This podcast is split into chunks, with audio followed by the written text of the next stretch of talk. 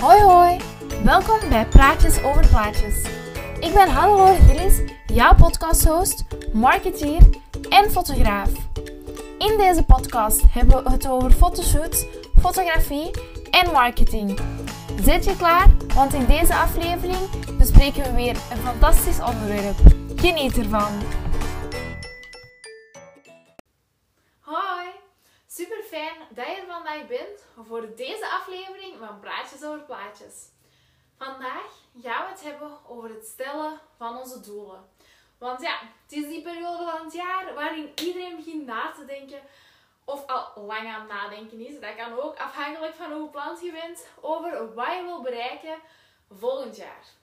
Maar hoe gaan we dit het beste aanpakken? Als ik zelf doelen ga stellen, dan ga ik steeds rekening houden met het SMART-principe. Waar staat SMART voor?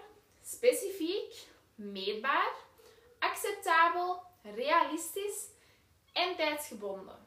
De belangrijkste hiervan vind ik zelf dat ze specifiek zijn, meetbaar zijn en tijdsgebonden zijn. In het algemeen wat dat wil zeggen is bijvoorbeeld, laten we een voorbeeld nemen. Ik, mijn doel is, ik wil meer fotoshoots volgend jaar.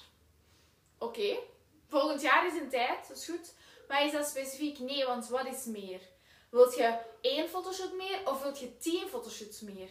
Kun je dus beter zeggen van in 2024 wil ik 40 fotoshoots voor klanten.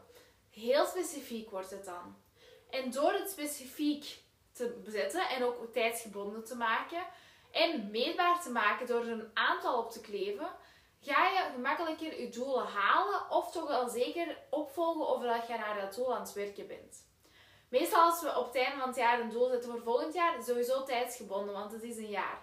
Maar je kunt ook doelen zetten van binnen drie maanden ehm, wil ik 10 fotoshoots gedaan hebben. Of binnen drie maanden wil ik minstens 20 aanvragen voor fotoshoots gehad hebben. Wat ook aan te raden is, is om bijvoorbeeld de doelen op te schrijven en ergens te hangen waar je ze vaak gaat zien. En probeer ook doorheen het jaar, bijvoorbeeld uh, elke maand een bepaalde dag, terug te gaan kijken naar die doelen die je hebt opgeschreven, zodat je eraan herinnerd blijft. Want soms, zeker met doelen, is ook uit het oog, uit het hart. Want waarom stopt iedereen na januari eigenlijk al met zijn, uh, met zijn voornemens voor het jaar? Omdat je er niet meer aan denkt, omdat het niet meer zo belangrijk is. Dus als je zegt, ik ga elke maand kijken naar mijn doelen en waar ik nu sta ten opzichte van die doel, dan gaat dat veel makkelijker zijn om daar naartoe te werken en daaraan vast te houden. Neem ook steeds de tijd om na te gaan denken over je doelen, maar probeer ook niet te perfectionistisch te zijn.